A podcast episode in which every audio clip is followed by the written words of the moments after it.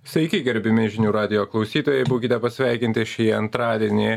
Saulėtą antradienį, tu seniai jau tokio neturėjom. Žinių radio studijos, kurioje laida apie nekilnojamąjį turtą tarp keturių sienų, o aš ant brokeris Mantas Mikočiūnas šiandieną kalbinsiu prestižinio nekilnojamo turto brokerį Robertą Karalių iš Sobis International Realty. Labas, Robertai. Labas man, tai ačiū, kad pasikvietei, vėl malonu pas tave būti. Robertas jau antrą kartą pas mus, bet viešėjo jau pakankamai senokai, ne, nemažai čia vandens nutekėjo, papasako, kaip dabar atrodo prestižinio nekilnojamo turtojo apskritai segmentas ir, ir, ir, ir sakykime, rinkos sulėtėjimas, akivaizdu, e, visi tą matom, visi tą jaučiam, netirštinant spalvų galbūt nėra kažkokio tai ten didel, didelių kainos kritimų ar panašiai, bet, bet faktas, kad rinka pasikeitė. Jis net bet tokia, kokia buvo prieš metus ar pusantrų. Kaip vat, jūsų segmente, vat, būtent prestižinio nekilnojamo turto segmente tas jaučiama? Jo, faktas praeitą kartą dar su kaukiam, kalbėjom kitom, kitom nuotaikom, po covidiniam ir, ir iš tikrųjų tada situacija ženkliai kitokia buvo.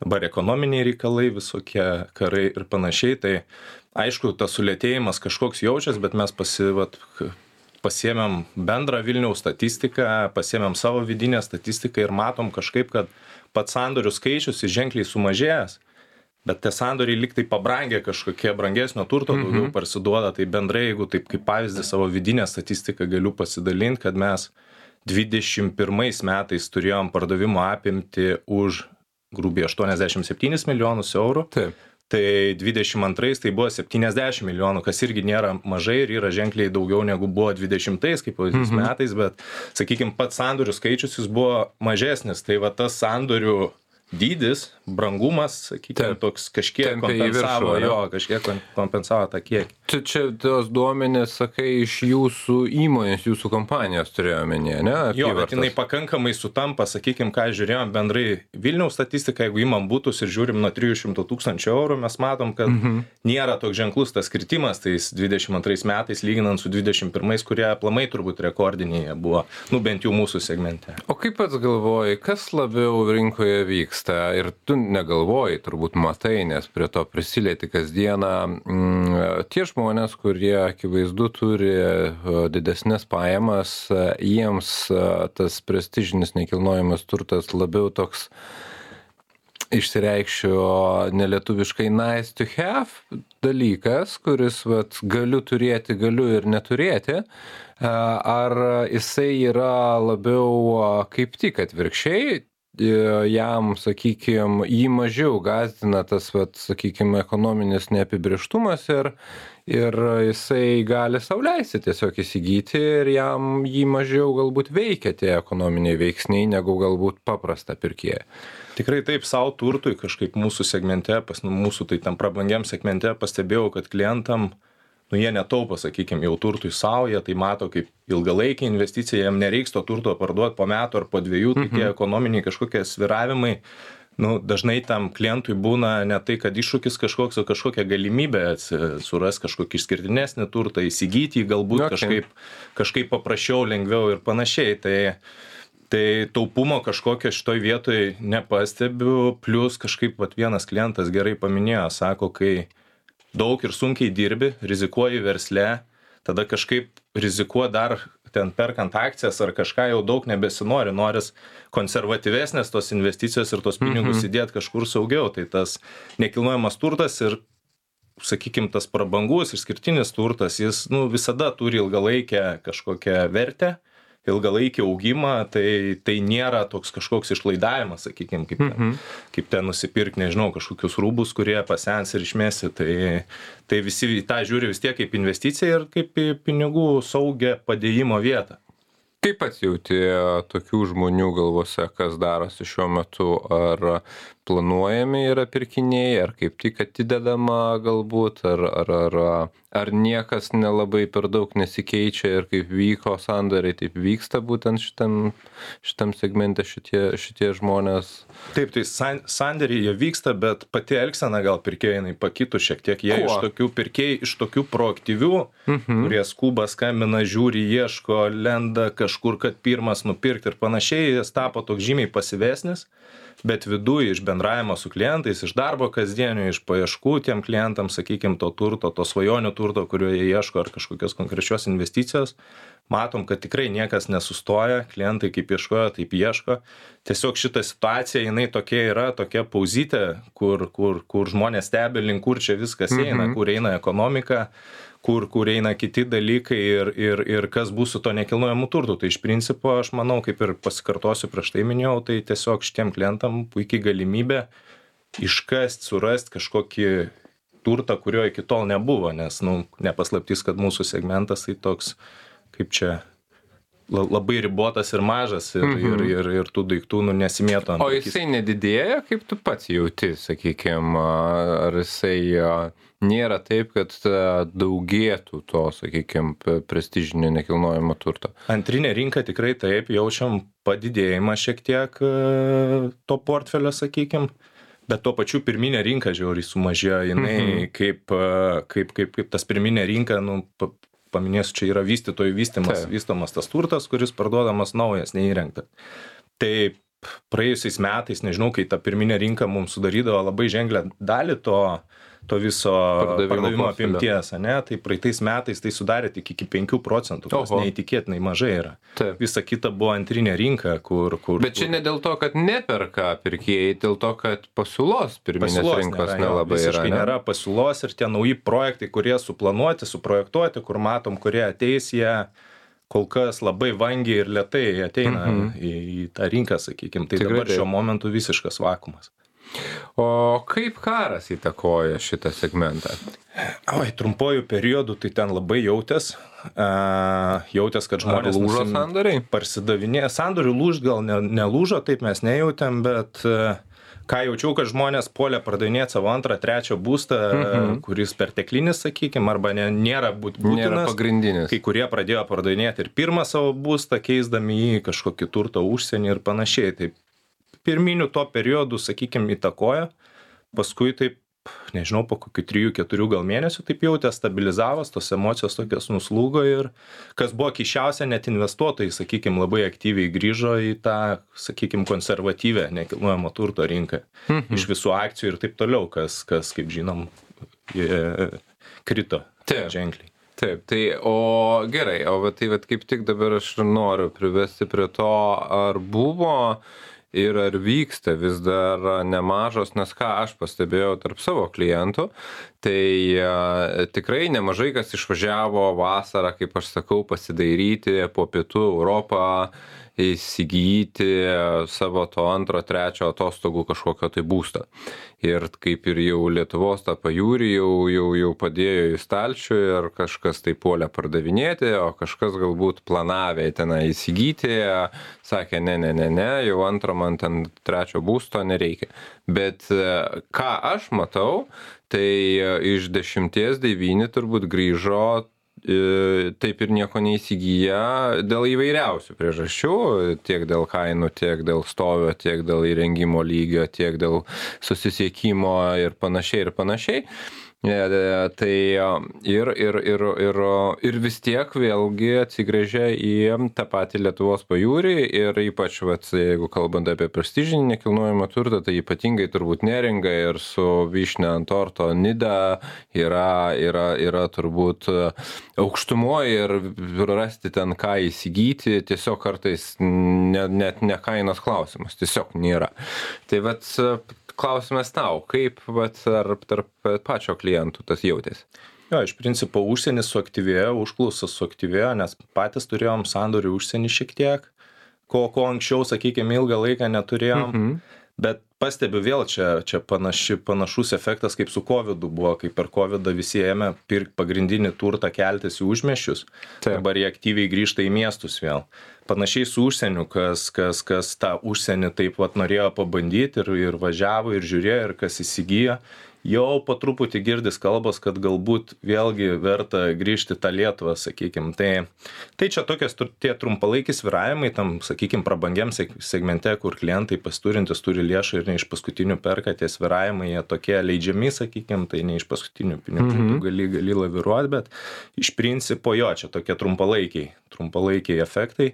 O kas liečia Nydą, mes, pavyzdžiui, prabangiausiam, geriausiam tam projekte Nydoje auksinėse kopose, dar praeitų metų pradžioje pardavėm paskutinius butus ir mhm. tiesiog neturim pasiūlos, ką pasiūlyti.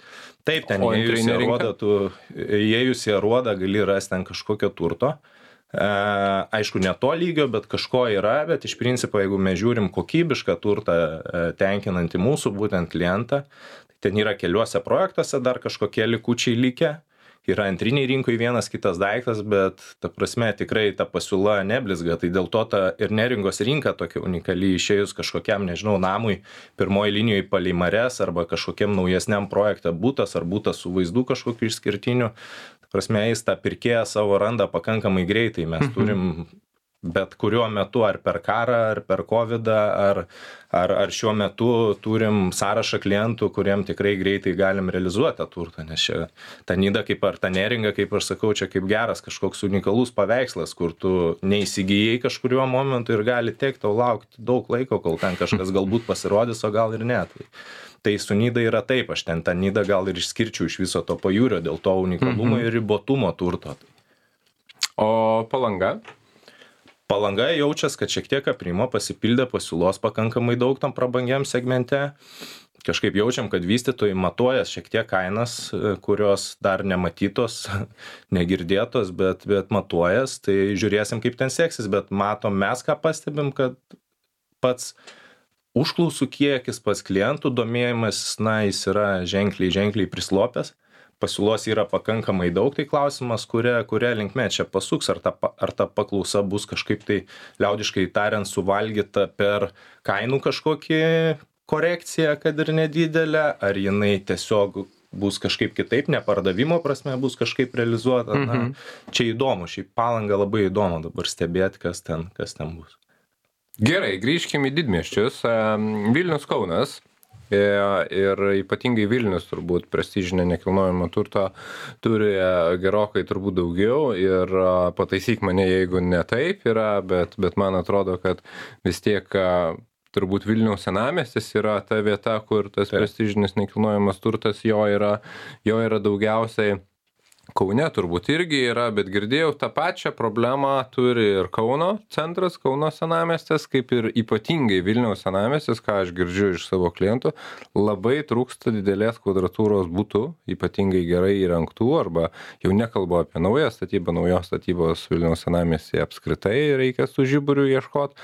Tai klausimas ar ar ar ar tikrai taip ir ar tarp jūsų klientų irgi tas jaučiama yra tas toks stygius pasiūlos būtent didelės kvadratūros gerai įrengtų butų ir, ir kokią perspektyvą matytum? Kas liečia Kauną, tai aplamai šitas segmentas pakankamai mažas ir tos būtų rinkos tokios didelių būstų, mhm. nu, jos turbūt nelabai daug ir yra dėl to, kad dėl pačio miesto struktūros, dėl, dėl, dėl, dėl visų klientų, dėl klientų elgsenos, nes Kaune tiek centre, tiek kažkur miesto pakraščiuose daugiau įprasta turėt namą ir statyt namą ir, ir ten namas, aišku, automatiškai iš savęs turi to plotą. Mhm. Vilniui šiek tiek kitaip, tai Vilniui visada buvo trūkumas didelio būsto. E, dabar ypač, kaip ir minėjau, tos pirminės rinkos visiškai praktiškai nėra, tai net ir jai esant kažkaip pastebėjau vystytojai linkę apsiriboti 130 kvadratų kaip, kaip taisyklė, o šitą paklausą ir poreikį jaučiam ypatingai dviem šimtams ir daugiau tų, tų mhm. kvadratų. Kažkodėl vystytojai pas mus vis dar vengia, bijo tos, tos kvadratūros, bet e, manau turėtų didelį pasiekimą darant mažesnį projektą su vienodo dydžio ar panašaus dydžio būstais ir panašia kaiminystė. Tai, nes dabar ką, kiek tų projektų buvo ir super prabangių ir vidutinės tokios geros klasės, tai jie pagrindė klientai kurie pirko būstą dviem šim dviem šimtams ir daugiau kvadratų tai jie dažniausiai jungia šalia esančius du tris butus ir iš to formavo savo turtą bet pasiūloj e, labai labai retai pasitaiko. Antrinėj rinkoj taipogi retai pakankamai išlenda tokių gerų kokybiškų variantų didesnės kvadratūros nes klientai kurie tokį turtą turi žino tą ribotumą ir dažniausiai tokį turtą parduoda paskutinį ir vengia jį parduot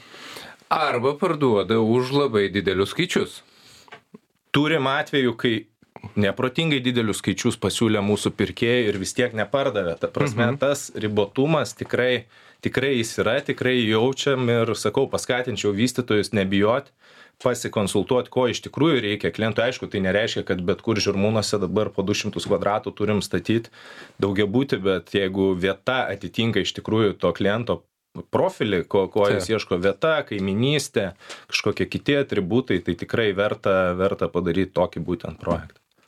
Supratau. E, kaip su kainų lūkesčiais ir, ir, ir pačiom jau, sakykime, jau sandorių kainom? Nes ką aš pastebėjau, tai kad e, sandoriai daugiau mažiau vyksta už tas pačias kainas. Bet jeigu mes žiūrėsim pirminės tas kainas, tai yra kas, kas realiai yra ne sandorių kainos, o e, pardavėjų lūkesčiai, kiek jie tikisi gauti, tai jo pakankamai, sakykime, taip apsikarpia. Nes ypatingai tie kurie jau pra kažkuriam pirminiam galbūt taške labai jau norėjo tų tokių jau didelių skaičių ir tas apetitas jau buvo labai užaugęs. Kaip pasijus sektoriuje ar tas jaučiasi nu prabangiam sektoriui dar per daug niekas nepasikeitė. Aš matau tas kainas vis dar augančias. Jeigu remtis didžiausių skelbimų portalų lietuvoj mhm.